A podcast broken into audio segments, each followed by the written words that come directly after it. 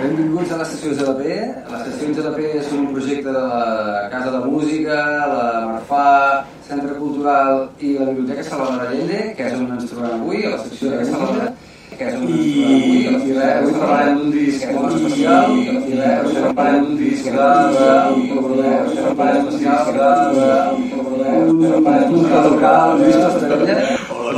Hola, moltes gràcies per convidar-me. Eh, Per hablar de mi disco. Uh, quan les SFs normalment comencen a part que es veuen de cara al públic, comencen a fer ara mateix, però sempre el moment zero seria quan, quan el truquem a la persona que vam convidar per, per començar a parlar de quin disc li agradaria fer, si li agradaria fer, si s'anima i tal.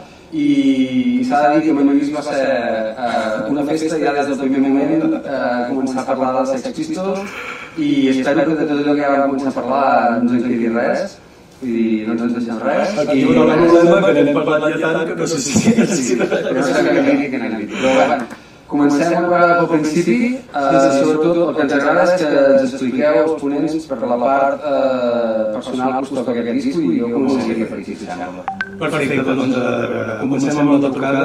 Eh, no vaig tardar ni 20 segons, perquè, o sigui, dius de quin disc per la... i, i et pots tenir clar des del primer moment. És el disc que ha influït més en la meva vida. Jo quan el vaig descobrir tenia 14-15 anys. Eh, el vaig descobrir eh, no, perquè la meva germana estava treballant en tot la terra i ella sempre era molt inquieta, la meva germana gran i tal, i jo era ja estava tocant la guitarra i tenia, tenia el, el dimoni de la música dins i eh, quina sort, quina sort eh, descobrir eh, això.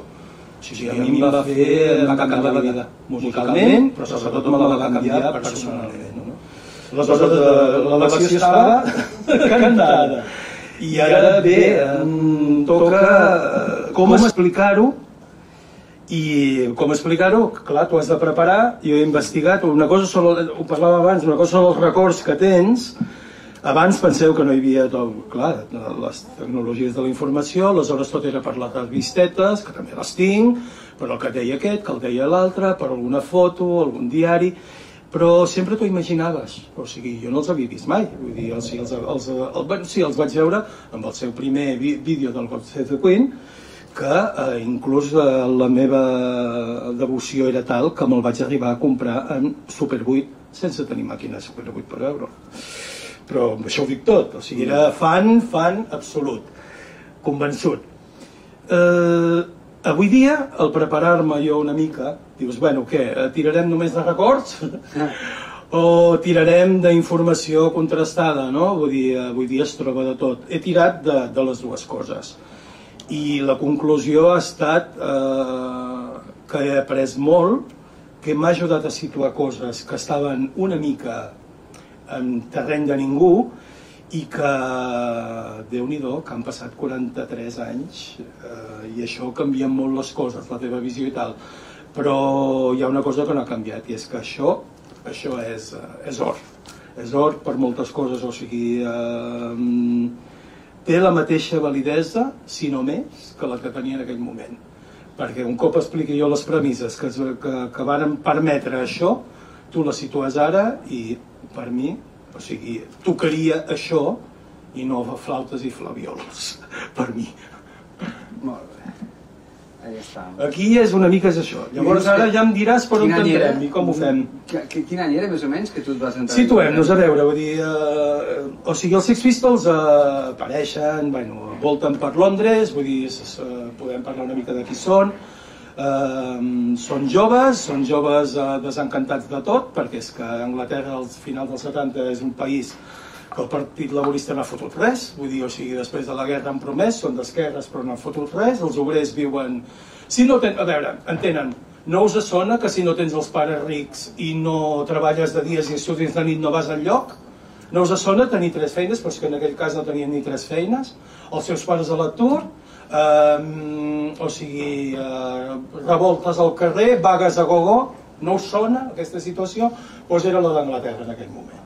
Aleshores, vull dir, aquesta gent eren nois, o sigui, vull dir, sense ofici ni benefici, que voltaven tot el dia, i tres d'ells estaven voltant amb una botiga de robes, amb una botiga estrafalària, que hi havia un senyor que havia vingut a Nova York, que era el senyor el famós Malcolm McLaren, i els tenia a la botiga, vigilant i com treballar, els hi donava, jo què sé, quatre calés i els tenien allà. Sobretot, vas esbrinant que apadrinava molt a un d'ells, o sigui, un que era el... Tots eren de classe obrera, però així com el baixista, en Glenn Matlock, era un, un, una mica més benestant, en Paul Cook i l'Steve Jones, guitarra i bateria, respectivament, eren realment de classe obrera. I l'Steve Jones realment era un nen maltractat. O sigui, era un nen sense pare o que el pare era un desgraciat directament. Aleshores veus que tot el dia robava, tot el dia... O sigui, un nen de carrer. L'Steve Jones. L'Steve Jones, sí. I, i, I veus, vas veient, amb, aquest, amb aquesta immersió que he fotut jo, veus per part de l'Steve Jones, de Malcolm i de quatre cosetes que o sigui, per què va seguir uh, l'Steve Jones quan van anar al Mardés? Per què va seguir amb en Malcolm i no amb en Johnny Rotten, en John Lydon, saps? Hòstia, perquè li feia de pare veus que el protegia. I Ben Malcolm moltes coses les explica per, per, per, per protegir a, a l'Steve Jones, que es fotia amb un merder de l'altre. Totes les gansades més grans, el títol del disco, o sigui, me cago un collons, me cago un tot, seria això aquí en els Sex Pistols, o sigui, però seria això multiplicat per 10 en anglès, eh, ho, ho, ho va dir a l'Steve Jones, o sigui, eh, l'espectacle televisiu que va fer que la seva il·lusió de tenir una gira de 25 concerts per Anglaterra amb el primer disc s'anés a la punyetera merda i que es veiessin amb un autobús havent d'anar ciutat per ciutat sense tocar per poder cobrar va ser culpa de l'Steve Jones que anava a pet amb una entrevista amb un, amb un impresentable, tipo Iñigo d'aquests, que anava mig torrat, que es va fotre amb una noia que era darrere de la i que li va dir, nena, quedarem després, l'altre que anava amb les quatre birres li va dir, viejo verde, de què vas? A tu qui m'has de dir? Que sabràs cabronàs. A tu què m'has de dir? Puto cabron. Què m'has de dir? La mare que et va parir. Què m'has de dir? No saps dir res més, ni va dir quatre més. L'Steve Jones era de barri baix, baix, de pap, cutre, de barri obrer de Londres, i l'endemà s'havia liat part d'Anglaterra, inclús hi havia gent que havia fotut una patada al televisor, perquè clar, ara parlar malament és que és la norma, o sigui, realment, o sigui, parlar malament en català, anglès, en qualsevol idioma és la norma, però el que s'oblida la gent és que, clar, estem parlant de situacions diferents. L'últim imperi va ser el britànic. I a Anglaterra funcionaven, clar, jo això ho he anat descobrint amb el temps, i a Anglaterra, segons com parlis anglès, encara ara, hi ha gent que et dirà, és un... És una mena de classisme. Classisme, classisme idiomàtic, o sigui que... A veure, si aquí ens encardem, si aquí, o sigui, vull dir, la gent se n'ha fotut mil vegades el castellà de Valladolid, en canvi el CC o Sevillà me cago en el bla, en, en català, ai, els de Lleida, no sé què, però és que en allà té una connotació classista que et mors. O sigui, és com Amèrica, que si, o sigui, pots anar a la universitat o no anar-hi. Si no hi has anat, vols entrar. Però en canvi, si has anat a la universitat, llavors canvia. Si has anat a la de l'Estat o has anat a Colòmbia. O sigui, és que no ho entenem nosaltres. A Anglaterra, parlar segons de quina manera, era ser, bueno, o sigui, era directament, o sigui, ni entres a casa meva o ni t'acostis. Eh, molts problemes varen tenir per això, o sigui, eh, i per això t'he dit que... Eh, per ser tal com eren. El primer que he vist és de que, o sigui, per la botiga, ell, hi havia un grupet de tres nois hm, que estaven com apadrinats per a Malcolm que els tenia recollits a la botiga, perquè no s'anessin por ahí. I ja tocaven? O... Sí, és que és això, o sigui, eh, per una banda tenim aquests tres senyors. D'acord que en Glenn Matlock era, era més, eh, per exemple, era més net, més polit i tal i qual, no? I així com el bateria és més tímid, l'Steve es fotria en problemes perquè era, era un animal, però un animal d'així de garrulo. Era un garrulo! En canvi, després en Glenn era més finet i tal, vull dir, es dutxava, vull dir, feia coses més normalitzades, no? I era més correcte. Vull dir, eh, però clar, aquí els hi fal... diríem, voltaven tots per allà i els hi faltava un cantant. I per la botiga hi voltava una gent que eren del nord de Londres. O sigui, aquests no eren del nord de Londres, la botiga estava a Kings Road, i hi havia els Johns. Els Johns serien els Joanets. I entre els Joanets, un Joanet eren Sid Vicious, que es deia John, i l'altre era en John Lydon, que va amb Malcolm i de veure'l per allà. I per què anaven a la botiga? Anaven a la botiga perquè en principi era, eh, no era de... va canviar un parell o tres de vegades principi venia, era, estava especialitzada en roba espacial, de Teddy Boy, que eren aquells tratxos de, de dels anys 50 i tal i qual, i els topers i tal, perquè era una manera de destacar, bueno, músic, um, roba estrafolària, no? Aleshores aquí va, va, va canviar una mica, la va canviar eh, per roba cada vegada més estranya, també recordem que la dona... Clar, Malcolm McLaren era una persona molt interessant perquè estava envoltada de gent molt creativa i creadora, gent que l'ha sobreviscut i gent que ha triomfat com la seva dona, la Vivienne Westwood. Poca broma. No, no. Una dissenyadora de moda, vull dir que, a veure, que, que, que també era, o sigui, que té l'esperit del 77 de provocar. O sigui, eh, qualsevol agafarà, posarà Vivienne Westwood i la va liar parda fent desfilar gitanos amb les dents podrides i, i, i, i o sigui, com se'n diu això, i, uh, i joies d'or, això a Roma, saps que dius? Quan a Roma els, uh, tots els gitanos són força més delinqüents que aquí, vull dir, amb totes les salvatjades, però vull dir, i salvedades, però vull dir que la va liar parda. Vull dir que Déu-n'hi-do la vida, per un costat. En Jamie Reed, que era el dels vídeos, no, que era el de la portada, Déu-n'hi-do també, perquè es coneixien de l'escola d'ara amb en Malcolm. En Julian Temple era un que ell es va, com també, apadrinar que, que no m'havia fet mai cap vídeo i va fer tot lo d'imatge, o sigui... I s'ha fet una carrera en Julian Temple. Per això, i, i realment ho fa bé, eh, clar, o sigui, en Malcolm era el padrí, d'alguna manera era el padrí. Mafiós I un, o no? I un articulador, no? Sí senyor, era el superglue. Jo he vist que era claríssim el superglue. Llavors, què va passar? El que va passar és de que, bueno, o sigui, ells tocaven i tal i qual, però no tenien cançons pròpies ni res, vull dir, eren un grup que havia començat. Perquè la cosa pràcticament va durar dos anys, estem parlant de, del 77, 70... Això sí que també és molt 76, punk. 77, eh? Vull dir, o sigui, o sigui, aquest disc és el final, és el final, no és, o sigui, la gent es pensa que el primer disc és el principi, en aquest cas és tot al revés. Vull dir, si tenim temps veureu que és la història al revés. O sigui, jo, la, la conclusió és que és una sèrie de catastròfiques desditges. Vull dir, és, és, o sigui, allò que dius, encara més, i encara més, i el plou sobre mullat, i el que dius, i no es pot fer pitjor. Però anava així. Vull dir, allò que dius, com pot ser? És increïble. Total, que els aglutinava aquell senyor a la botiga, que busquen un cantant, i aquí és on la cosa fa clic. De ser possiblement un grup que haguessin fet o no sé què, que en Malcolm volia un grup per vendre la roba, no ens enganyem. Ho diu. Perquè en aquell moment era roba de segona mà, ja... No, no, no, no, roba nova, roba dissenyada per la seva dona. I llavors es va especialitzar en una de les seves dèries, o per eh, que la botiga la va eh, bautejar com a sex, i venia roba de dominació i de bondage, no? Vull dir, coses raríssimes d'aquestes de làtex de goma que et poses a dins només amb un tubo per respirar, històries, vull dir, molt sexuals i tal i qual.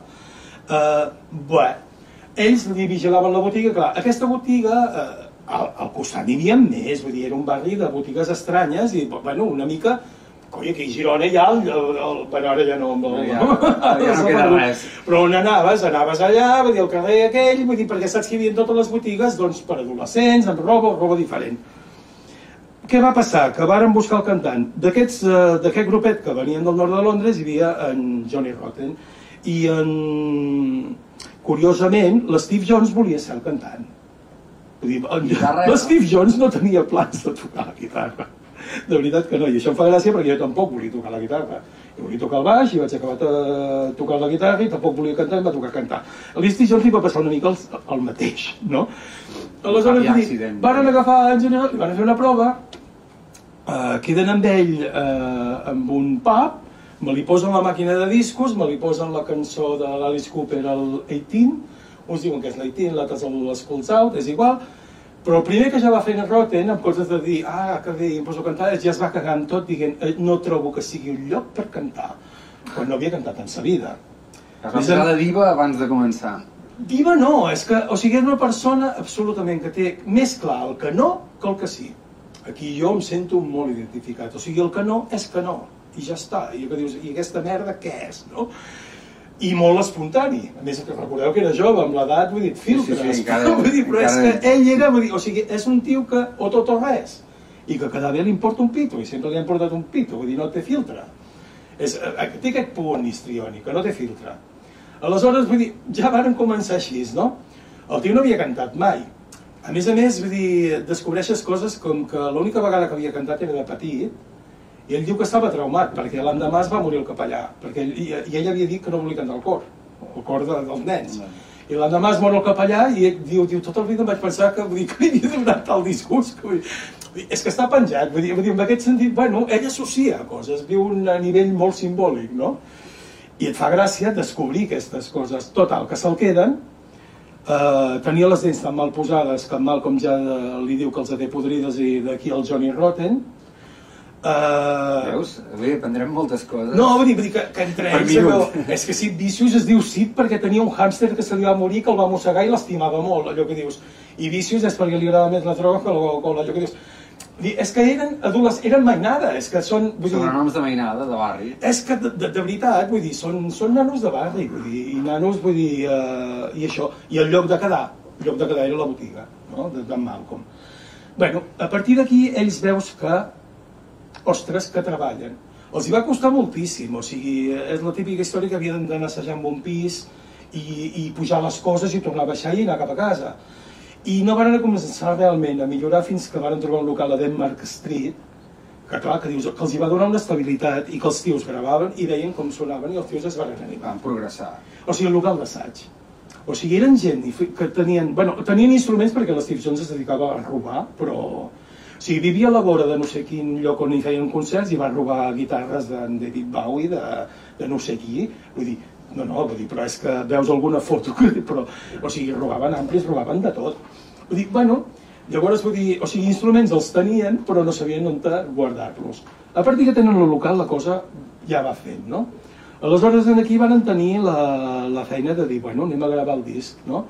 I, eh, no, bueno, aquests petits concerts que van fer, que van ser en una escola d'art on hi havia hagut en Glenn Matlock, que era el baixista, o sigui, els pinitos típics de qualsevol grup, que vas, tu me diràs allà on t'has anat a escola per tocar i tal i qual, toquen 20 minuts, toquen versions dels Kings i no sé qui, Sí, però això ja... volia demanar, què, per on van començar? Van Tenen- començar fent versions, vull dir, tal i, o sigui, fer com tothom, Com tothom? com tothom fent versions que els hi sonaven i tal i qual, i jo sé de que tocaven aquell, el I don't want to be your stepping stone, el no sé què, i vull dir tal, però ja el primer, ja el primer bolo de 20 minuts en una escola d'art amb 20 persones que varen suplicar al grup que eren Joan de Bazuques, que els hi deixessin els amplis, perquè ells només tenien la guitarra, per tocar, en Johnny ja la va liar. O sigui, és molt significatiu per mi que et deixin tocar i l'altre es va emocionar tant en 20 minuts de concert, tots es van emocionar, però sobretot ell, que va començar a rebentar i a donar patades als bafles, els altaveus, que els hi acabaven de deixar, que els altres encara havien de pagar.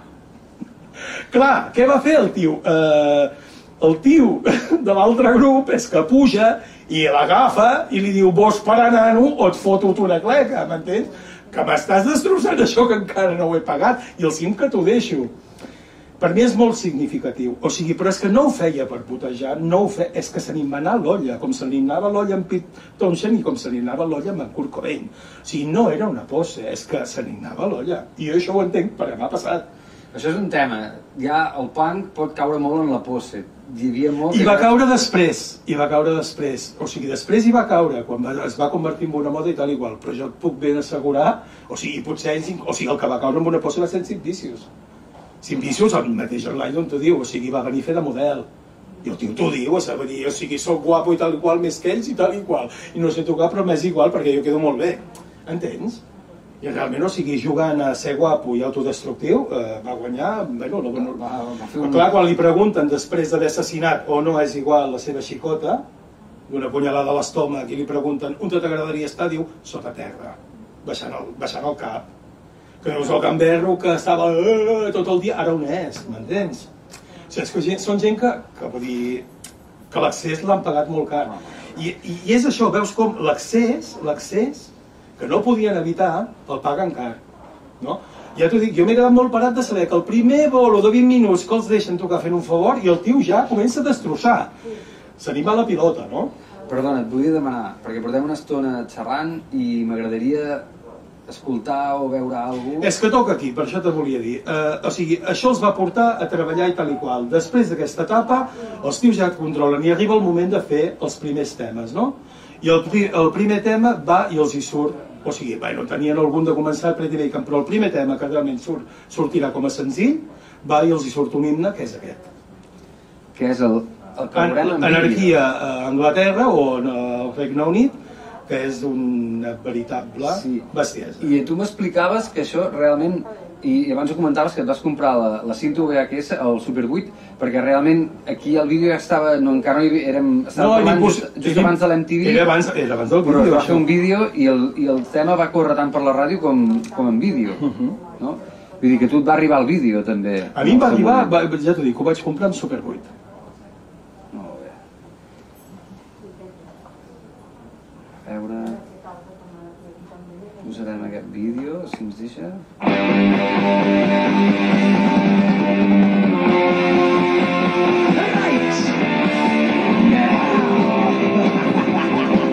És curiós que la primera frase que diu ell amb un disc gravat pels seus pisos és ara i aquí. El primer que diu.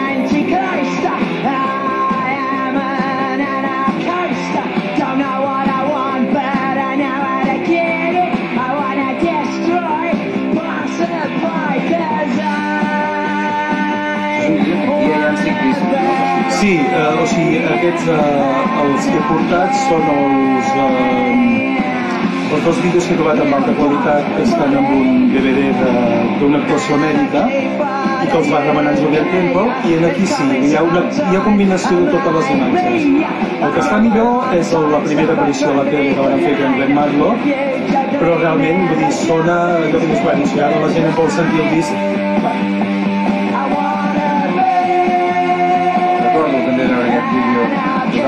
l'Espúnic en algun lloc també d'això i m'agradava molt veure la Les Paul Blanca, és, ho recordava. provada, eh? Diuen que era de... de... Tim dels Vols, no ho sé.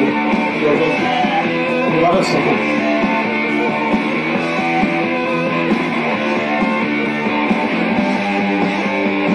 Per exemple, amb aquest tema ja es van discutir per la lletra. En Glenn Matlock ja trobava que sóc un anticrist, sóc un anarquista, que, ui, que li grinyolava totalment, no?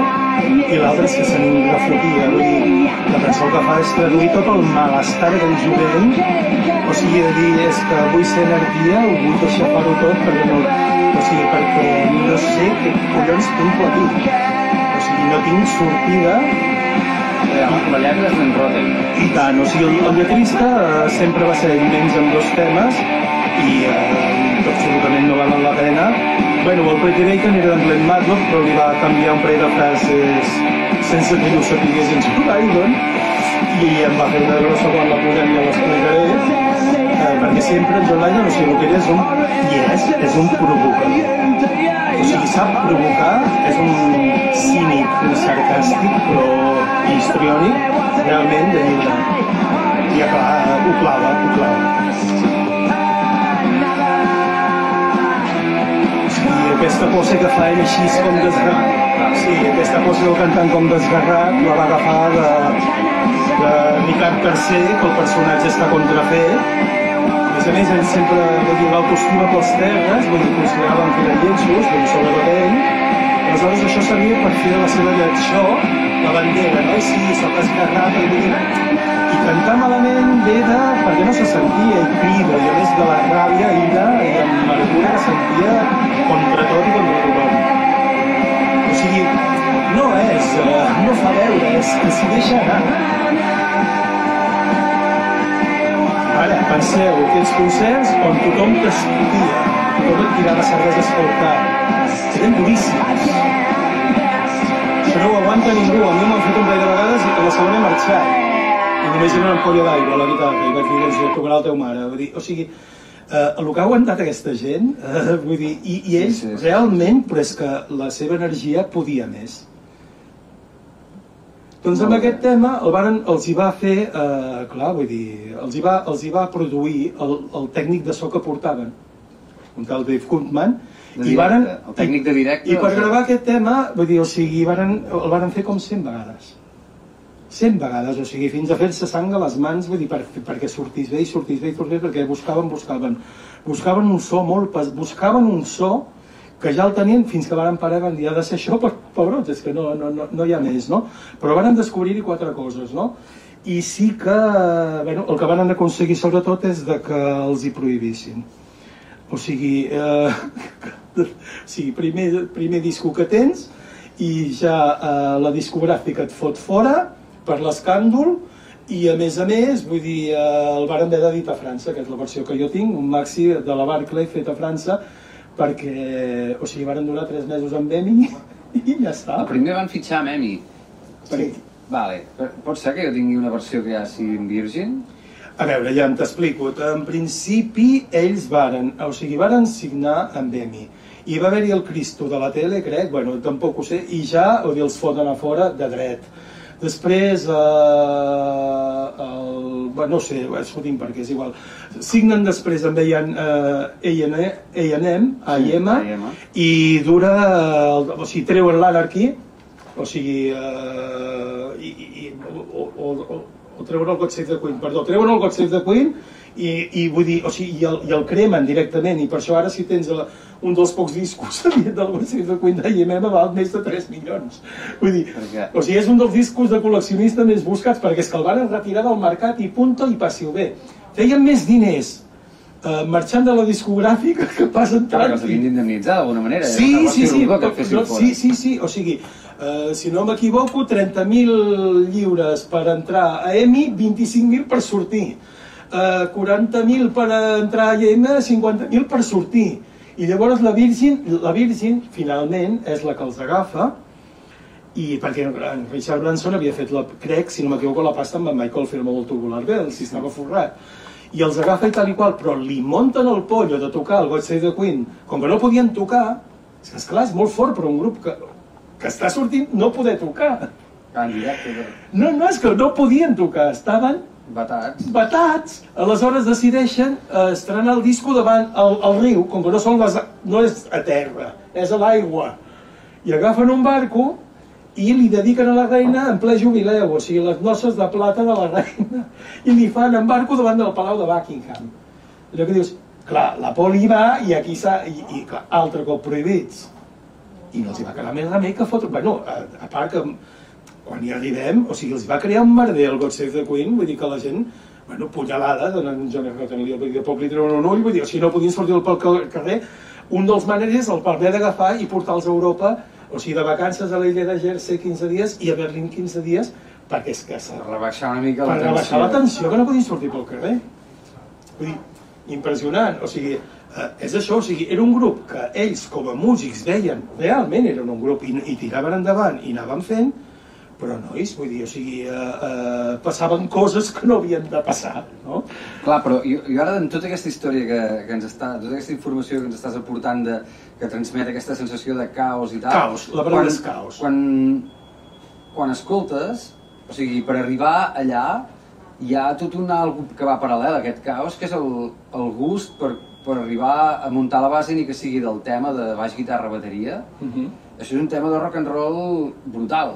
Sí, a Allà hi, ha un, hi, ha una, mane- hi ha un saber fer també allà. Sí, el baixista, el baixista era molt músic, no? Llavors, vull dir, i llavors el bateria i el, i el guitarra, o sigui, el bateria li va costar, eh? vull dir, el bateria, inclús en el disco, eh, hi ha punxades d'allò que li costava més, eh? Però, però, però bé, prou solvent com per anar repetint, anar-ho fent. Eh, són un grup, és que funcionaven com un grup, o sigui, eren gent, eren gent molt diferent, sempre abans d'en Sid Vicious, eh? Després l'altre, és una altra història, és una altra pel·lícula. Sex Pistols, vull dir, alerta, vull dir, o sigui, és que amb en Sid Vicious només van fer el Holidays in the Sun, que és el quart single, i una, el Belsen Gas, que millor no haver-lo fet, i para de comptar. Uh, no, és que, No. vull dir, és que no, vull dir, el tema Sid Vicious és que és una altra història, no? Vull dir, o sigui, ells eren un grup, o sigui, realment ells es discutien tot el dia, eren com el gat i el gos, però el fort era de que quan estaven a l'escenari sortia la màgia. Això qualsevol músic que hagi treballat amb un que hagi tocat amb un grup i que, que, que és que diu, o sigui, bueno, eh, no, no t'entens i tal i qual, però és que funciona. Funciona, Sí. funciona. Aquesta disfuncionalitat que Jo he arribat a dir-ho, o sigui, jo vaig fer Kids, vull dir, no volia, o sigui, amb la premissa que no fóssim amics. perquè el de, Porteu- quants anys porteu perquè lo de ser amics, per això, perquè el de ser amics ja no havia funcionat, entens? Aleshores, vull dir, vaig pensar, fem-ho al revés, que no siguem amics, o sigui, no, no, no estava prohibit, però o sigui, no cal que siguem amics, venim a tocar, o sigui, no venim a, aquí a, a sopar, i no, no, i a sortir, no, vull dir, o de festa, no. Jo venim a tocar, saps? I ells, eh, quan estaven, eren, eren com el gat i el gos, i llavors, quan estaven tocant, apareixia la màgia. I composant, també. Vull dir Clar, composant feia sobretot la música, el que seria en Glenn, una mica l'estic, però sobretot en Glenn Mallow, que és el baixista que va desaparèixer. Clar, clar. I les lletres se'n cuidava en, en John Lydon. Sí que varen treballar eh, fent una lletra, per exemple, en Glenn i ell, per tocar els collons amb en Malcolm Mallerin. O sigui, els va demanar una cançó que fos de, que anés sobre bondage i, i submissió i, Per vendre la roba, no? i en John Lydon està pas d'hòsties i li va fer una cançó que es diu Submission però amb un guió, vol dir missió submarina. Comptes de submissió és, o sigui, missió submarina. I acollonant-te'l tota l'estona, vull dir, amb ell, vull dir, directament, i a més a més se'n fot encara li diu, és l'única cançó d'amor que he fet. Allò que dius, dedicada per fotre-se'n, però de, bueno, eh, la, la lletra és que és delirant. La música està molt bé, és de les que més s'aparta de, de, de, del rock and roll, vull dir, més que feien. Val a dir que és curiós, els Sex Pistols diries, oh, quina potència. La potència està com molt controlada. O sigui, no són temes ràpids, és increïble, com són com mig temps, I mig temps en pes. però van deixant, eh, et van deixant bombolles de d'energia i d'oxigen que acabes com una moto. O sigui, va pujant, va pujant, o sigui, és, és, és intensitat, és com un, entre, un entrenament. Saps? T'ho van deixant anar a poc a poc, així és com després el hardcore i tot eren allò píndoles, vull dir, el plasmàtic, pim-pam, ja està, no? I allò que dius, no, no, no, no, no, ells, o sigui, van, et van preparant i és que acabes, vull dir, acabes mort, vull dir, o sigui, és d'una intensitat. Vull dir, Save the Queen, per exemple, és un tema que he tingut ocasió de tocar Sí. i realment és un goig de tocar, perquè sí, sí, sí. hi ha dos ponts diferents, Sí, sí, sí, sí. és, és, hi ha un arranjament guai al darrere, no és una vomitada, diríem. No, no, vull dir, ara, és un- ara ja deixant una mica la biografia, que penso ja n'hem parlat prou, vull dir, eh, faltaria el tema Sid Vicious, però tampoc cal entrar-hi massa. El tema musical és molt maco, perquè, es, eh, primera, es coneixen tocant de fa temps. O sigui, Glenn, Steve i Paul Cook, d'allòs. Eh, en John Lydon se'n cuida de les lletres, i tal i qual. I, i, i clar, el que fa John Lydon és donar una altra dimensió a aquesta música, clar, sense aquelles lletres. I ell, eh, pues, no. Mm, No. a veure, clar, no, no, era- no, no, perquè és que a més a més és, és el que ells mateixos se n'adonen després. El to de les guitarres i el to de la veu de Johnny Rotten és increïble. O sigui, el to que estan fetes les cançons i tot això és genial. L'única cançó que baixa una mica de to és el Bodies, que curiosament és una cançó que parla d'un avortament, però no d'un avortament, ah, en plan... No, és l'avortament com a concepte, no?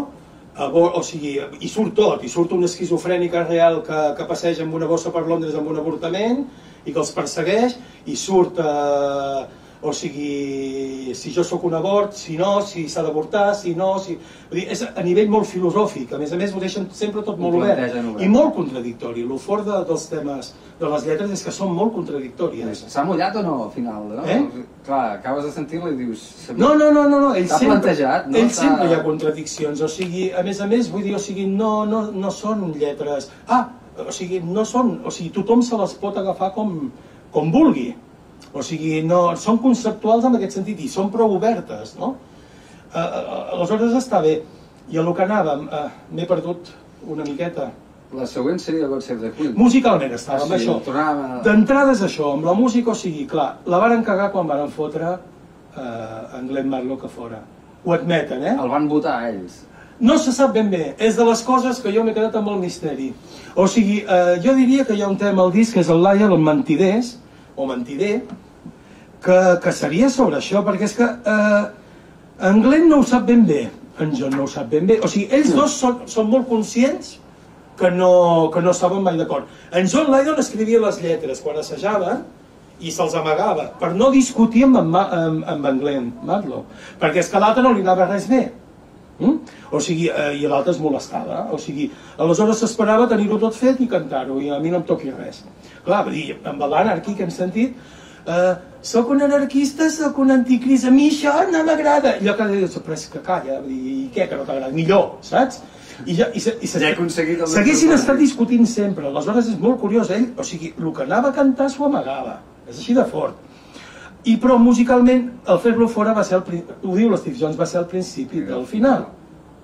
Vull dir, i posar-hi ambicios encara més, vull dir, va ser, o sigui, clar, per què va posar ambicios a la banda en Johnny Rotten? Vull dir, eh, per, per, perquè estava sol. En Paul i l'Steve estaven junts. Eren dos amics. I a més a més amb en Malcolm, que els hi feia de papa, això m'ho dic jo, és a dir, però jo penso que, era, que, que els hi feia que de protector, vull dir, s'enfiaven d'ell cegament, i però clar, en John Lydon estava, en Johnny Rotten estava sol. Llavors qui va posar? Va posar un col·lega. En contrapès... Va posar un col·lega. En Sid, i en Sid, noi, amb la, entre les drogues, la xicota i tot plegat, doncs, eh, i que no sabia tocar. Clar, va dir, van perdre el compositor, això és molt greu. Ja. I bueno, musicalment, això, vull dir, les matxacades que eren capaços de fer amb Dave Goodman, tocar una cançó per gravar-la 100 vegades, uh, i després, i bueno, i aquí ha d'aparèixer una persona que era en Chris Speeding, que els hi va fer de productor, bueno, els va ajudar amb demos i tal i qual, i els hi va ensenyar moltíssim. I sobretot els hi va respectar i els hi va donar pistes de com ho havien de fer per ser ells i no i no cagar-la. I en el cas de la guitarra, que jo penso que és un dels millors guitarres, en el sentit d'un guitarra que sents com toca i dius, és ell, És ell. el so que té, la manera de tocar i tal i qual, i és que en poca cosa fa moltíssim, i en disco aquestes doblades que hi ha i tal i qual, però és que ho fa tan perfecte. A més a més, molta gent dobla la guitarra, però no és la mateixa. Ell doblava la mateixa pista, la posava aquí, després en feia una altra, la posava Anem a aquí. buscar un exemple que ho facin. Això que es noti molt, eh, el que ho vulgui veure, llàstima que no l'he dut. És, eh, hi ha unes sessions amb un amb uns eh, programes que es diuen classical, eh, clàssicos, vull dir que, que, que, que pots sentir això com va doblant aquestes guitarres. Però el tema, per exemple, que hi ha eh, moltíssimes guitarres, vull dir, ja ens en podem anar al God Save the Queen, que és el següent, El Good Save the Queen. que hi ha doblatges a punta pala. Has portada en vídeo? És la segona, sí, també el vídeo, que el va fer en Julian Temple. El veus, el que diu Sí, vídeo? senyor. Sense... Eh, El famós barco que li van celebrar Save the Queen davant de la reina. I aquest vídeo el va fer en Julian Temple, eh, el primer que els hi va fer, i ja, i aquest, aquest va marcar moltíssim. Primer que és un playback, que ells passen de tot, a vegades sí, a vegades no. Eh, un, un s'emprenya molt. Sí, un, un, un fot coses a la càmera, l'altre diu que s'aparti, es peten el cul, el bateria s'aixeca, vull dir, això quantes vegades l'hem vist? Milers. Fins aquell moment no vist. O sigui, són, fan el que volen, el que els hi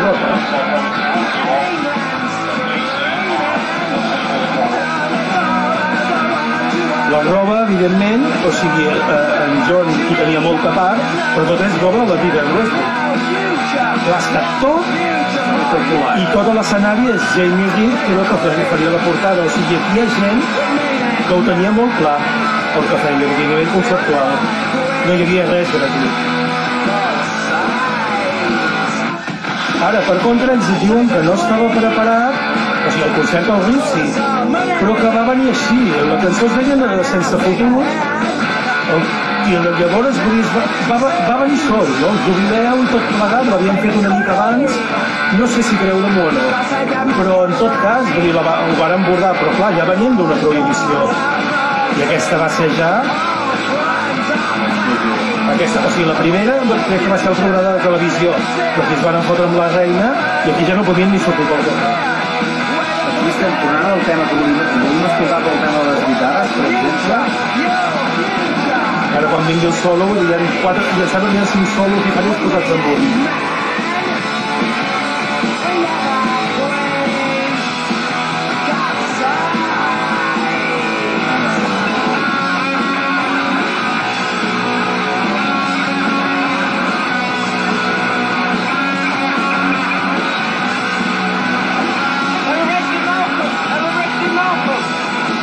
Una sola guitarra són cinc.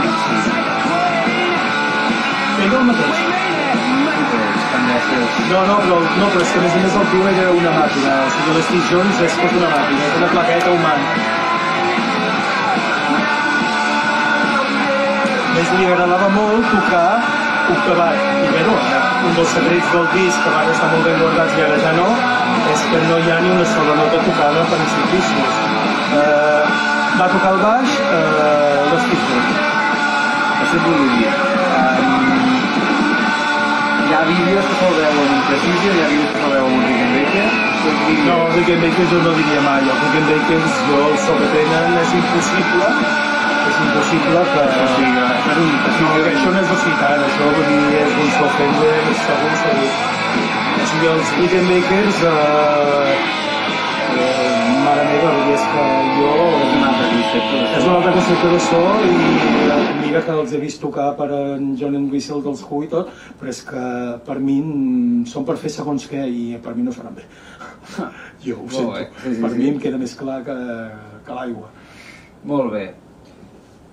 Tenim els dos supertemazos, no?, del disc. Eh, els- S'havia de començar per aquí, per això que ha passat que m'he enrotllat massa al principi i per si quedaven temes per Però sí posar. que poca estona almenys hem escoltat lo gros. No, doncs, no, no, això, això dos, ja, això és impepinable.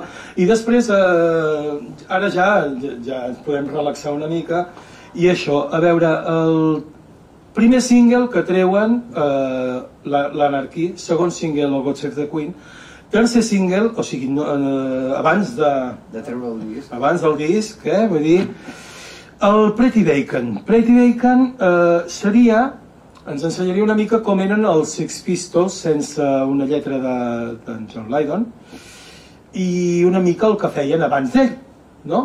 Com era. I, eh, o sigui, el compositor realment és Glenn Matlock. Per on, per on anaven els tiros? No? És un tema que està molt bé, hi ha un riff que s'ha fet famosíssim, Eh, I bé, eh, quan la sentim, doncs eh, comentarem una mica què hi va fer el senyor Lydon.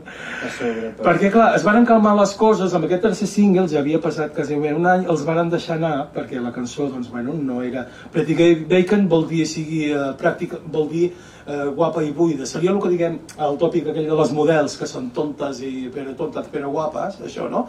I aplicat amb ells era, vull dir, som com models, som vull dir, al revés, no? Vull dir, és, és aquest tocar els nassos, no? Vull dir, allò que guapes i tontes que som, vull dir, vull dir fent-se el som normal, no? Provocant. No? Aleshores, vull dir, eh, la posem, això ja seria l'àudio del Pretty Bacon, Pretty Bacon. una de les cançons més antigues que tenien, si no de les primeres, mira què et dic, podria ser, La disparo. Sí, sí. I vas comentant. i comento. El riff és antològic.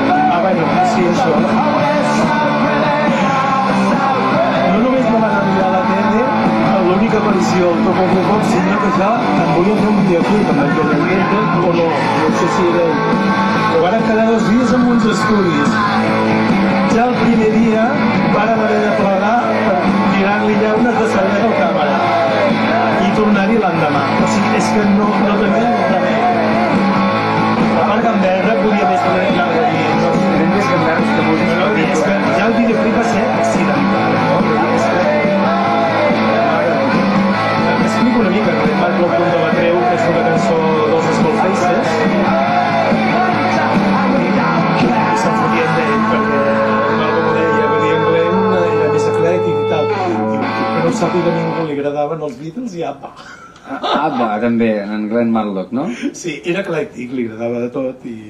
Però el tema seria això, no? O sigui, que teníem aquest so, de, de, la forma, aquest tema seria com a la fórmula, si no seria com un dels singles, seria com una de la fórmula dels Sí, so d'ells, sí, sí. que hi havia, bueno, aquestes, aquestes corxeres tan marcades en aquest mig just temps que els hi va molt bé afincar que se quedi molt ben... Eh. que tingui aquesta atracció de... que, que, quasi, Toquen- que, que quasi tenen groove. Tenen aquest groove, però fixa't que són, eh, són temps lents, però dona la sensació que són molt canyeros. Estan- Llavors te'ls poses a Hi tocar... ha molta atracció, diria. Te'ls poses a tocar i veus que no són ràpids. No són Llavors et ràpids. quedes molt parat, però és que el que li dona l'energia és que... O sigui, tu toques i te'n surts, però la que intentes cantar-ho, cau tot. Cau tot. I ho dic jo que ho he provat, o sigui, jo el que tinc gravat amb ells, que és dels 80s i tal i qual, eh, d'acord que el tempo no en sabíem gaire perquè eren el començaments i anem més lents, però no tira prou, li falta aquesta veu, La guspira- aquest to nasal, vull dir, aquest, vull dir la, la mala or, és que canta amb una ràbia i amb Sembla- un... Bueno, és que el veus, per això, per això he posat els vídeos, és que allò no és algú fent veure, eh, és que és, una, és, és algú que està rabiós, i ell t'ho diu. O sigui, jo el que volia destrossar, o sigui, el que volia fer era destrossar les orelles de tot Déu que ho sentís i menjar-me els vius. Amb l'agravant que ell no se sentia. Reconeix que la primera vegada que ell va reconèixer la seva pròpia veu va ser al gravar el disc i sentir-se bé amb uns cascos, que fins aquell moment no s'havia sentit Sí, bé. no Aleshores vull dir que és un estil de cantar absolutament desesperat i qualsevol músic que hagi intentat cantar. Jo per exemple qualsevol cançó que fèiem cantant així més normal i tal en directe m'anava a cantar. És que és impossible allò que dius si no em sento vull dir, és que no és que et desafinis és que Has de fer-ho per dubtes de que la gent t'estigui sentint.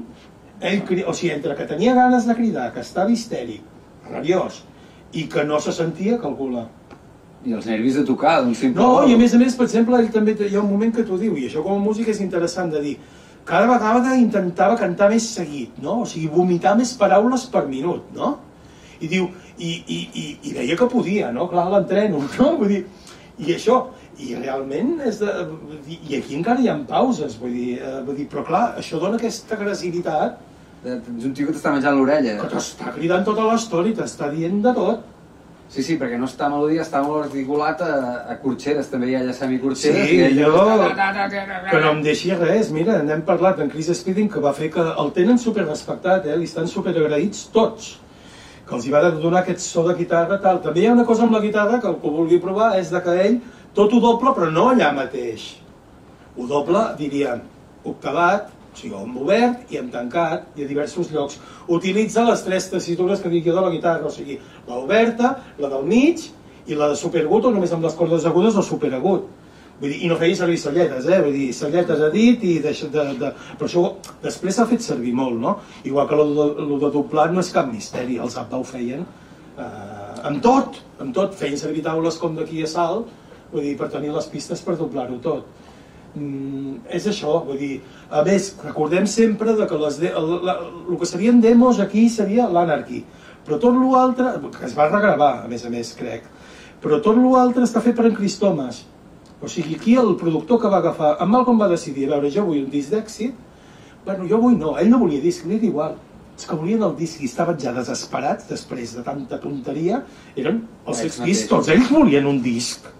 Sigui, tenien... Tant de contracte, És que de... ten, tenien un primer disc que no es venia perquè estava prohibit, un segon que vull dir que, que, que, que no el podien tocar, el tercer que va, bueno, tenien el Pretty Bacon aquest, no? Llavors, I llavors eh, van treure encara un altre quatre single, que ara, que ara vindrà, no? Vull dir, que el podem posar. I cada un d'ells, ells volien un disc, no? Ja es varen discutir, perquè la Virgin va dir que hi volia les cançons incloses dels singles, almenys les primeres cares, i ells deien que no, però van haver d'afluixar la mosca i posar-los-hi. Clar, perquè la resta del món que no tenia els singles, què? No? Vull dir, no s'haguessin enterat. A més a més, vull dir, ostres, un disco sense l'Anarchy, sense el Save the Queen i el Peter Bacon, eh, doncs No la veritat, sort que ho varen fer i que varen fer cas. Així i tot varen... Mm, no hi havia dinar el Submission, que si t'assembla no el posarem, no toca, que és la cançó que li dediquen a en Matlock, que era aquella que hem comentat, de, que és musicalment és diferent i que se'n fot terriblement de- d'ell, amb lo de la missió submarina, és que li fan, li fan sorolls raros, es, vull dir, com petonets, vull dir, unes coses, vull dir, però es veu que, o sigui, delirant. I l'has posat aquí? Eh, Ah, sí, Submission, la tinc sí. aquí. Vinga, Submission.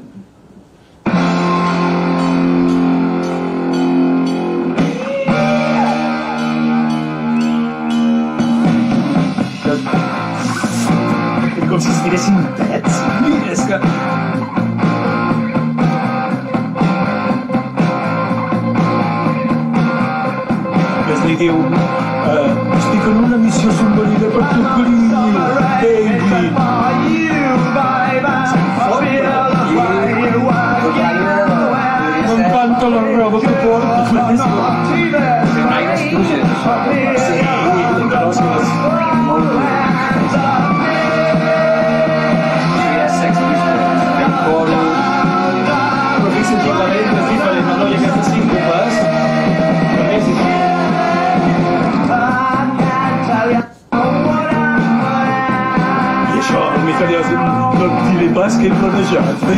tot.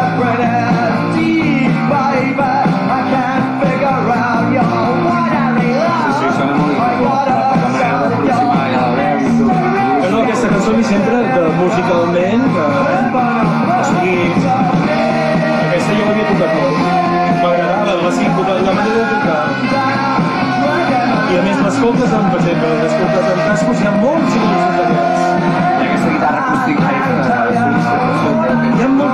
coses, ha coses, eh? Sobretot sorollets de veus.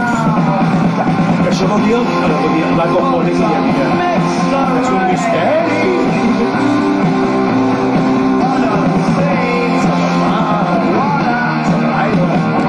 Ja t'ensenyaré, ja.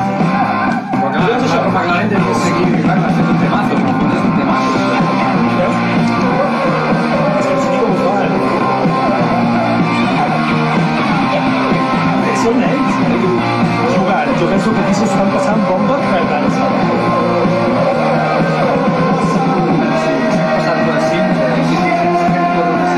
Sí, pensem que en Chris Thomas, com a productor controlava moltíssim, i jo penso que aquí el productor també s'ho estava passant.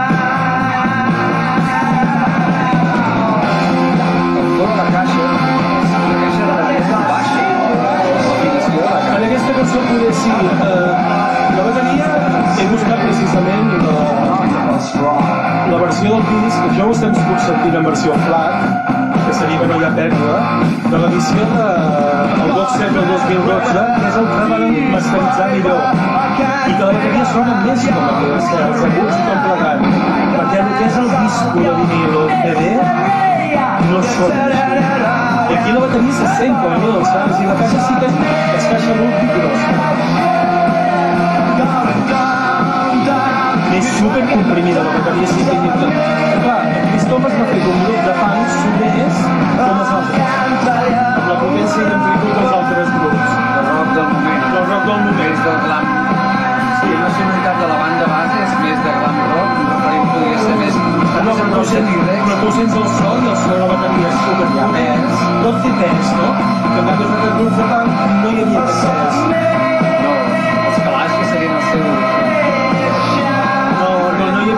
De so no, eh?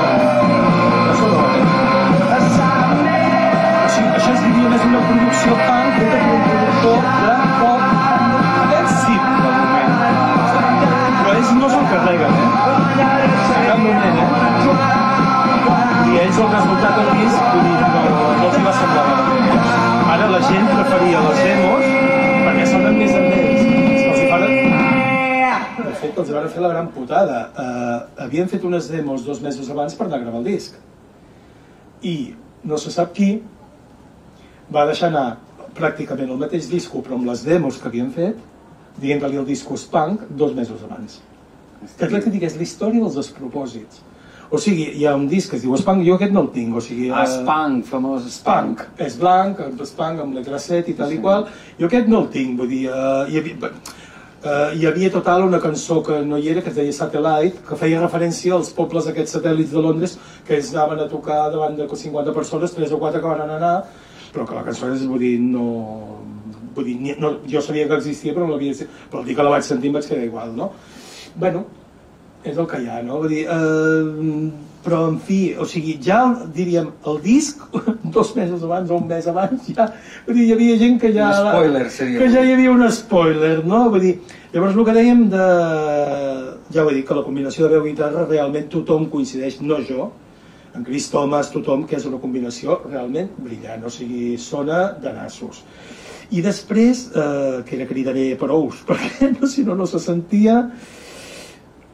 Eh, això, ja ho he dit, o sigui, jo tot això són les coses que, que m'havia apuntat. Sobretot deixar clar que les lletres porten aquest rock a un altre nivell. Que ja, o sigui, qui vulguin o no vulguin, sense aquestes lletres no, no hagués sigut això. Clar, una, una lletra més acomodada o més... Eh, No, perquè és que no haguessin arribat a ser el símbol de lo que eren, ni a provocar, ni tot, tots els problemes afegits. I haguessin sigut una banda bona. Però bé, bé, també ho van ser el Dr. Feelgood, m'entens? I eren del moment. Vull dir, o sigui, era, no era punk, era pop... Però és el Dr. de- Hòstia, però els, els, els, per mi, o sigui... Vaja, vull dir, els Clash també estaven molt bé tot el que vulguis, però a mi el disc en directe, l'Stupidity del Dr. Feelgood, és que... O sigui, no té res a envejar això en un altre plano, que és la música de pap. No? Vull dir, això és que hi havia una altra intenció darrere, que hi havia una intenció de dir eh, no puc més, no? vull rebentar-ho tot, clar. eh, hi havia alguna que s'emportava la música per davant. La, Sí, La música era el pretext, o sigui, la música i el text era el pretext, no? Vull dir, ell sempre t'ho deia. Mm. Vull dir, eh, és això, vull dir, era una manera d'expressar, no? Vull dir... Sí, sí, però feia, feia, donava aquest, eh, aquest punt únic de la, de la música. Em recorda això, que la veu estiri i porti tant per davant el tema, em recorda uh, Rage Against the Machine, que seria Sí. un tipus de grup dels 90, una altra tessitura, que, que sense aquella veu, o sigui, la, No. la base rítmica estaria molt bé, però és que... No, no, no, és que, hi ha, és que hi ha molts grups que sense aquelles que lletres... és, que és aquella veu que és aguda, que està allà, que t'està taladrant i... Clar, el que, el que fan aquests grups de, que, on la lletra i la música és tan... Bueno, potser amb aquest, eh, música amb aquesta intenció també amb altres. Quan la música i la lletra casen d'una manera tan espectacular, aleshores sents altres grups i mm, es queda mica coixos. No. Sí, perquè ara estic pensant en, per exemple, en White Riot de, de, com a single de Clash i Sí. Riot, Sí. és, més, és més apedregat però no, no té aquí és que ells tenen White groove. Knight, eh, sí, no, bueno, White- els Clash també tenien la... eh, Clar, és, aquí penso que són les influències.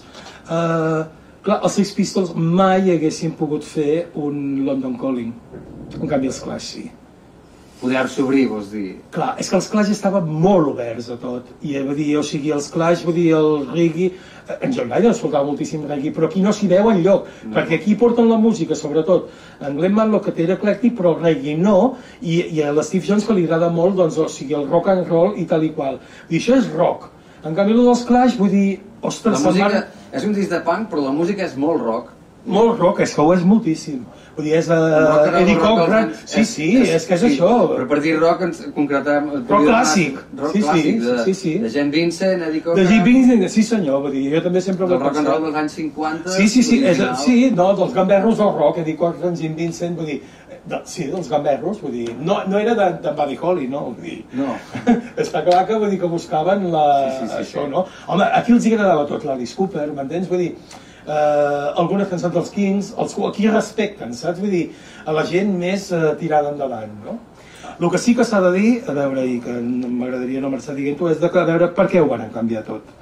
És que després d'això sortien grups com bolets, o sigui, varen obrir la porta que qualsevol que fos, que tingués neguit, que estigués histèric, que estigués amargat, que estigués ofuscat, o que tingués ganes de brega, o que, que, o que tingués la necessitat de dir alguna cosa, ho pogués. Era, agafa una guitarra, enxufa-la i mata algú, directament. Ja, pel camí Sí, no, no, o sigui, però mata algú vol dir amb el seu sentiment, o sigui, de, o sigui, no tanquis més, obre't, vull dir, o sigui, i si és lleig, o sigui, que s'ho mengin amb patates, és a dir, o sigui, vaja, jo era el tímid més gran de l'univers, i va ser descobrir això, i l'endemà, vull dir, anar, anar, amb la, anar amb el vestit de casar del meu pare a l'institut. I quan se'n reien, bé, vull dir, o sigui, tirar les taules per terra, i ja es va acabar. O sigui, és una actitud davant de la vida, de dir, jo sóc jo, tu ets tu, i si no t'agrada, et fots. Vull dir, jo m'he estat fotent tota la vida aguantant-te tu i no dit res. Doncs pues ara t'aguantes. Perquè la, la, la aquesta que tu et fots amb els altres, que el punk era fotre's i tal, a veure, sí, però no necessàriament. És el que dèiem, o sigui, el que diu sempre ell és de dir, a veure, jo deia unes coses, o sigui, no et quedis amb el que dic, queda't amb per què t'ho dic, saps? Clar, això vull dir, la gent no, no mai fa l'esforç de, no? És curiós. Clar, és, és que aquí jo no...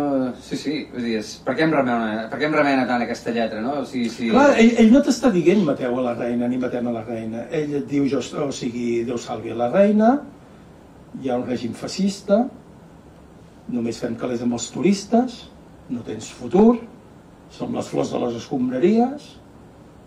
Ell no t'està dient res, o sigui, ell sempre deixa tot molt obert. Ets tu, que vull dir que clar, vull dir, o sigui, que una cosa la lligues amb l'altra i tal, se n'està encarregant de la reina, no? Vull dir, Pregunta't per què t'enfada tant. però és que, eh, clar, ells s'estan carregant un sistema que no va enlloc. Vull dir, que, bueno, que, que, què ens hem de dir nosaltres amb les monarquies? I què ens hem de dir nosaltres? Com diu per dir menys. I el sim veritat, no pot ni viure a Espanya. Ah, clar. Clar, els sants collons de poder dir això, vull dir, qui s'atreveix? Aquella... Es va atrevir un tio a Anglaterra, que són molt més conservadors que aquí, vull dir, fa 40 anys. Sí, sí. I ens sembla quasi res. A veure, vull dir, quan tu no tens pebrots, tu no tens pebrots de, de, de dir el que aquest diu, ni en aquesta entrevista. No, perquè vindran. Sí, sí, durem... És que té pebrots, vull dir, no, perquè et vindran a buscar. Si jo ara tradueixo tot això i canvio de noms per als d'aquí, em venen a buscar. Ho sento, és així. Sí, sí, sí, sí, sí. I el tio no es va tallar un d'euro i ho va fer. Clar, és molt fàcil, ah, que no sé què. És que, clar, estem parlant d'un- d'una altra història. És, a dir, és això, vull dir, hi- hi havia de tot, o sigui, hi havia la música, però hi havia un fondo, hi havia i una actitud. Un fenomen que va ser com una mena d'huracan que, que ells, ells atiaven però que, que s'ho van portar per... Però que se- se'ls van portar endavant amb ells, eh? vull dir, o sigui, i tot, eh? Vull dir, realment, eh, clar, vull dir, era de l'alçada d'un campanar, com que no podien tocar a Anglaterra, fem la gira als Estats Units, amb si, vull dir, bueno, Ja tot era un desgavell, vull dir, realment, vull dir, el que, el que es llegeixi la biografia, vull dir, és la història, I és, Glenn Marco, és un esperpèntic. cop el van, el van fer fora, què va fer ell? Va plegar com a músic? No, no, no, a veure, o sigui, això fan l'últim concert al Winterland de San Francisco, vull dir que és antològic veure la cara... Mira, posa-la, no està al disco. És una versió dels Estuix, que es diu No Font, no és divertit, i el tio, eh, que, o sigui, diu, eh, soc molt vago, només farem una cançó de bis, es diu No Font, no és divertit. La demo? Eh, no, la que diu No Font. Sí. I posa una Sí, sí, dita. perquè és la demo, perquè no... Ah, vale, sí. I doncs és una cançó que només diu no és divertit, no és divertit, estic sol en el meu llit, no és divertit, no és divertit, no és divertit. I el tio acaba el concert, per allà, mitja hora, anar dient no és divertit, no és divertit i no és divertit. Uh, I els hi diu, alguna vegada els has sentit enganyats, macos? Els mira així, amb la mirada perduda, fot el camp i, bueno, te n'enteres després que ni tan sols no, s'estava al mateix hotel que en Malcolm i el- l'Steve i en Paul, que ell i en Sid havien d'estar en un motel de mal amor perquè no els deixaven entrar a l'hotel, que algú el mal rotllo diria, no, i ell no sabia ni per què, i sense un duro, eh, i sense targetes. Clar, quan ells dos havien anat amb autobús, nosaltres amb avió. És que clar, estem parlant de, de, o sigui, una darrere l'altra. I el tio va agafar un avió, se'n va anar a Nova York i va dir aquí us quedeu tots. I el tio sota l'estona això va acabar, o sigui, l'última cançó, l'últim concert, no és divertit, no és divertit, no és divertit. Però que t'ha dit que ell funciona molt a nivell simbòlic. Molt bé. Per anar... Abans de desmuntar de... Això és un bon final, i però jo per mi, després d'aquest, bueno, d'aquesta immersió que he fet, jo acabaria amb una que penso que els defineix. Per, per mi és més que, que és com caos, no? I que seria el problema, el problema. O sigui, no van deixar de tenir problemes amb tots. Ells eren el problema, els altres eren el problema, jo no ho sé, van ser uns anys molt intensos i que han deixat una empremta brutal. A mi i a molta altra gent i que encara ho fan. I bueno eh, tant de bo la història musical patètica surti algun altre grup i una hòstia com aquesta. Perquè almenys tots eh, estarem una mica més vius És un disc que et volia preguntar, tu te l'escoltes a casa?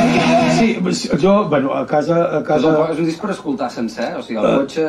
Sí, jo lo- el, el, el que tinc clar és de que jo, per exemple, el tinc sencer. Vull dir, jo no el mutilo, al revés, vull dir, la que hi afegeixo sempre és una que es diu Did You Know Wrong, bueno, n'hi afegeixo concretament dos més, i salto sempre les mateixes, o sigui, el, el Seventeen la salto, és que no em diu res, i el Liar no tampoc. I l'altre sí, eh, cada X anys les torno a escoltar, i no em molesten gens. I et sonen fresques, evidentment. Eh, o sigui, jo fresques. podria dir que a veure del disco... Eh, mira, n'hem posat forces. Vull dir, del disco jo et diria que n'hi ha tres o quatre que em grinyolen, que són les dues que són de farcit, dos que són repetitives. L'altre està prou bé i afegeixo sempre, ja t'ho dic, dos o tres més. O sigui, que per mi són un grup que tenen 10 cançons bones mm, Ja de llarg. És un grup amb un impacte brutal que va fer... Que per mi 10 cançons bones un grup, vaja, amb, amb, amb, amb, amb, amb un sol disco i, tres, i, i tres singles, vaja, te'ls estic deixant. la que han liat. Doncs, i llavors, de- d'aquí, alguna connexió directa, podries dir, amb, per exemple, amb algun tema, algun moment de Kitsch, alguna inspiració? Bueno, eh, abans de Kids, amb Dandis, vull dir que va ser el meu grup de punk durant gairebé 8 o 9 anys, eh, total. O sigui, jo vaig, o sigui, el mateix que ells assajaven eh, i aprenien a tocar amb les cançons dels King i els Small Faces, i aprenia a tocar amb les seves cançons. I el, i el Ramones, vull dir, per tant, eh, total.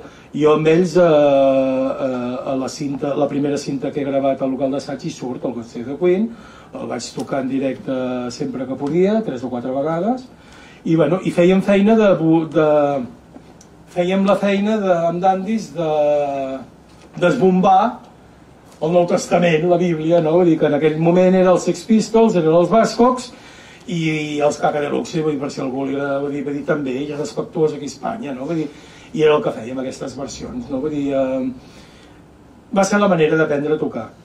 Això i els Who i, i, i anar fent. Molt bé. Deies de posar un últim tema? Sí, i amb Kids ara que dius, eh, els Sex Pistols, no. No, perquè va ser, va, ser una, precisament Kids va aparèixer com per fer-ho tot absolutament Diferent. diferent. Una mica com va fer ell, en Public Image. És a dir, Ah, o sigui, no és divertit, no és divertit, no és divertit. Vaig acabar jo l'últim concert de, de Dandis, ara que ho dius, dient, avui és un dia, amb una cançó que es deia, avui és un dia gris i trist, i xafant-ho tot, i a partir d'aquell moment vaig vendre els distorsionadors i vaig començar a fer música sense distorsionador. Calcula't un punk sense distorsionador. Vas passar la teva fase New Wave. No, no, era, no, era d'alguna manera, em reinvento, no? una mica el, el mateix que va fer ell en Public Image. Mimetisme? Podries dir que sí. Podries dir que sí. Una inèrcia natural. És curiós, no, no, vull dir, vaig tenir la mateixa necessitat, vull dir, la, vull dir o sigui, també ens vàrem esbatussar, vull dir, és curiós, vull dir, o sigui, bueno, ara que ho dius, vull dir, sí que el paral·lelisme seria aquest, no? Vull dir que, La trajectòria. seria el final, no? Vull dir, el final de Sex Pistols amb el final de Dandis penso que algú té a veure. Molt bé. Volies posar Problems, no? Sí, per penso la acabar. cançó, és que ara que ho dius penso que és la, la cançó que els defineix. a més, vull dir, és això, és caòtica. Vull dir, què penses fer? El problema ets tu, o jo no sé, vull dir, o sigui, és una cançó que la lletra és molt caòtica, no? Vull dir, i què penses? Vull dir, és això recurrent, problemes, problemes, problemes. Sensació de, de, de mòbil.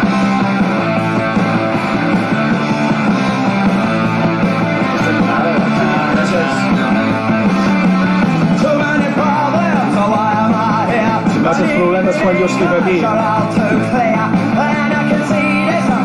I ara veig que hi ha algú que agrada. to expect me to Què collons tu esperes que li faci? I know what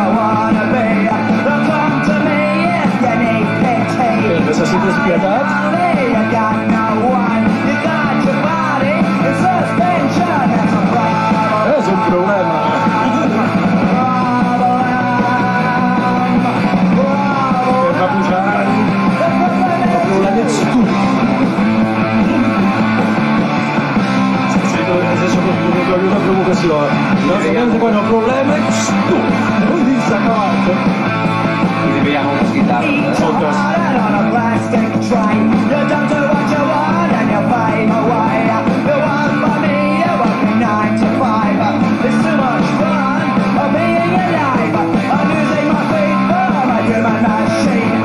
allò que vam treballar de 9 a 5, no, ni pensar-hi, etcètera, etcètera.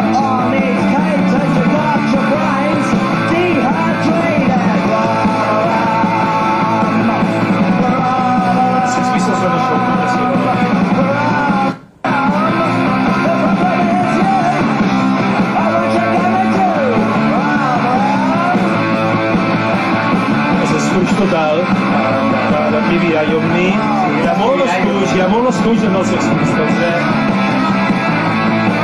I això és Crisis Feeling, són els solos de rock, melòdics, Els són solos que es poden xiular, els cops.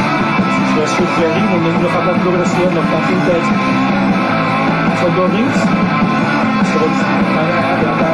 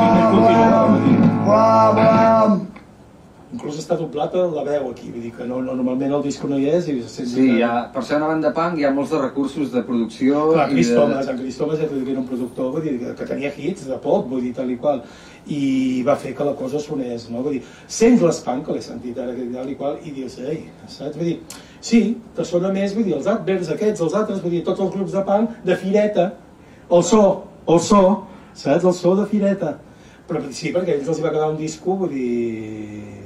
Gruixut. Gruixut. So Ara, el que t'he dit, o sigui... Eh, Irradiable. perquè- amb Malcolm li era igual si sortia o no sortia el disc, ell no tenia cap interès, eren ells com a músics. I que fort, vull dir, gravar-lo en servicis a l'Hospital amb Victorícia, cosa que bé, no sé jo fins a quin punt, i gravar-lo ells molt ràpid, vull dir, amb un parell de mesos ells, i, i, i amb l'esforç de... Ostres, vull dir que se'l van xupar pràcticament... Ostres, el bateri... l'Steve Jones se'l va xupar tot ell. El va fer tot ell. A casa. eh? Es va passar moltes hores aquí. O sigui, això és Steve Jones i ells encantats. Vull dir, ah, i eh, espera't, el baix el va gravar, o sigui, tenia les bateries i les guitarres i prou. En el documental aquest de clàssic eh, àlbums es veu, no? I que fort, no? Perquè llavors veus que hi va... Bueno, i l'altre hi va gravar, i quan hi va anar en Johnny Rotten, no? Vull dir, i, bé, i veus, i la música sense la veu, hòstia, eh, vale, vale, però no no és el mateix, eh, us ho juro jo. I la meva devoció per en Johnny Rotten, vull dir, per algú és, eh? Vull dir, allà es veu claríssim, eh? Potser això, ja t'ho he dit, jo ho he provat, vull dir, tu toques això, si pot semblar molt, o la que canta. Si no t'hi costes per registre o per... És que és aquesta manera de cantar, és que per primera vegada algú cantava, vull dir, amb una, fent de, de, com de pitufo, fotent-se'n, allargant paraules, vull dir, és, és com que jo parlés així, eh, què passa? Eh, amb una impostura, vull dir, allò que que és normal, vull dir, i el tio va fer que ens hi acostuméssim. Ja, ja. En aquí jo recordo els grups punks espanyols, vull dir, l'única gent que s'ha acostat a aquesta manera de fer els eren de Granada, els TNT, els KGD, i uns que es deien Marata, tira de la mota, vull dir, i així, no? I amb la música et quedava bé. I els de Granada, Senegal, i així, no? Vull dir, Marat, fixa't, i és que et costava entendre què deien, no? Dir, però és que. I cantaven com ell, no? Estas cucarachas que viven del... A. Vull- És la manera de cantar d'ell. I realment amb la música, si anava tot hòstia, ja et lligava, però tu ho provaves, i és que, vull dir, què vols que t'hi digui? Vull dir, vull dir, eh, em poso a cantar així i vull dir, hòstia, vull dir, potser l'Albert Pla li respectarien, però amb un altre. Però clar, clar, si tu cantes així i et tiren coses, i tu t'hi tornes, i encara els dius, "Ets un som normal! Vull dir, és que és això. O sigui, és la guerra. És que, però clar, el moment ha de ser l'adequat, el lloc l'adequat i tu la persona adequada per dir-los, perquè de bones a primeres, en aquell moment, o sigui, no venia tot això de bones a primeres, perquè cal tenir present que aquesta gent començaven a tocar davant de 20 persones. A la setmana següent n'hi havia 40, a la següent n'hi havia 60, no hi havia mòbils ni merdes, hi havia només quatre pòsters i el boca a boca, i hòstia, en un moment tots els descontents de Londres resulta que escoltaven això i que tots els descontents d'Europa o la gent alternativa subversiva que no li agradava l'establishment s'hi apuntava què estava passant entens? Vull dir, que- tocar una tecla. per això m'agradaria molt que algú musical no sé si es pot ja, perquè està tot mediatitzat i vull dir, està tot produït i venut abans de ser creat, no? Però Déu meu, un revulsiu, por Dios, vull dir, uh, un revulsiu musical i Sí, social. això sí que allò que deies que Nirvana van ser els punks com a revolució. És l'últim revulsiu, no? Vull dir, però clar, després de Nirvana, l'MTV ja anava als col·legis a, a, a, a, a, a vendre el que els hi semblava que es posaria de moda, no? Clar, vull dir, hòstia, tu, vull dir... Uh... Clar, van anar els Dead Kennedys a, a, a les gales de l'MTV amb la corbata amb l'S de dòlar, saps a dir I ja, es- allò va ser el final. Però allò va ser el final de la rebel·lia dels joves amb el rock. Ja està, oblideu-se'n, jo penso que mai més. O sigui, el capitalisme ho ha Clar, el, el rock and roll... amb el banc va passar ja, eh? Vull dir, amb el banc va passar... És que l'any 80 ja hi havia les postals dels bancs de Londres. Que, que, O sigui, no, no, capades, i eh? veus, o sigui, tots d'uniforme, i a la revista l'Enemy, I use the enemy, vull dir, o sigui, i veus que cinc pàgines eren de roba de punk, de postal. Això és el meu mòbil que, que diu que... Doncs, el curiós El és... mòbil, eh? eh. Brutal. és un lloc. El, el lobo solitario. doncs, que curiós, vull dir, perquè ja m'ha fet perdre, me cago en dena. So, això... Home, No, no, però... Lo, poques lo, vegades són llops aquí a la però no teníem previst, vull dir, fer-ho No, no, està... Eh, no, en fi. No, no, total, que vull dir... No sé, no sé on estava, m'he tornat a perdre, però ara ja és igual. Els revulsius, estàvem revulsius. Sí, que necessita- necessitem si algú s'estava avorrint amb la sessió de la P, ara mateix s'acaba de... Sí, s'acaba d'anar tot plegat. No, amb el Nirvana va passar una mica el mateix, o sigui, va ser un revulsiu. També va pensar, cuidado amb el Guns N' Roses, eh? Dir, no té, tot, no té per què ser tan punk. Els Guns N' Roses ens varen treure de la merda de teclats dels 80 de cop, saps? Allò va tornar al rock. I ha passat amb alguna situació més, amb algun altre grup. El rock ara mateix, bueno, està com està, està, vull dir, cada un fa rock diferent amb una etiqueta diferent i tal, tothom sap tocar, tothom pot gravar a casa. Clar, les democràcies eh, tan esteses porten això, saps? Vull dir, tothom fa de tot, tothom ho sap fer tot, i tothom ho fa malament, i ja està. I no passa res. No I hi no ha res passa res. rellevant. No, clar, Mediocritat i... Clar, a mi, a mi em costa d'entendre, jo no, no sé on està el camí, però eh, en aquesta època tot era especial. Et compraves un disc i t'equivocaves i te l'havies d'escoltar igual. Ara baixes alguna d'internet, ho poses dos segons i si no m'agrada ho esborres. No li dones l'oportunitat que... No, i les coses costaven un esforç i ara tot està... Mm, la gent no vol tenir, fer cap esforç, o sigui, si costa gaire, Costa que hi hagin bandes, nosaltres aquí ho notem a la, a la Marfà, o sigui, lo, lo estrany és que o sigui, hi ha molta gent fent projectes solitaris a casa clar, i... Perquè és l'aïllament, si la gent parla amb el mòbil i és incapaç de relacionar-se. O sigui, avui és estrany que estiguem aquí amb la parada i tal i qual, perquè era més fàcil per videoconferència, vull dir que a casa seva, ho edites després, pim-pam, tot és de mentida, i ja està, no? Vull dir, però és general, vull dir, això, bueno, estem en una altra cultura, en una altra època, en un altre moment. Bueno, tornem a estar al segle XIV perquè ens morirem tots, però bueno, no passa res. D'una plaga. Sí, pues, molt bé. Eh, moltes gràcies, Lluís. A vosaltres. Lluís Costavella de Kitsch, eh, sempre sentir-te és, és un plaer i un gust. I a més avui ens hem après moltes coses. I... jo també les he pres perquè ja t'ho dic, unes que sabia, altres que he buscat. M'ho he passat molt bé. No sé si us he fotut massa el rotllo, potser havíem d'haver posat més música, però evidentment la música la teniu allà, a mi no. Per tant, això ha sonat a John Lydon total, però és així. Però ja està. és... Moltes gràcies. Vinga, vosaltres. Bé.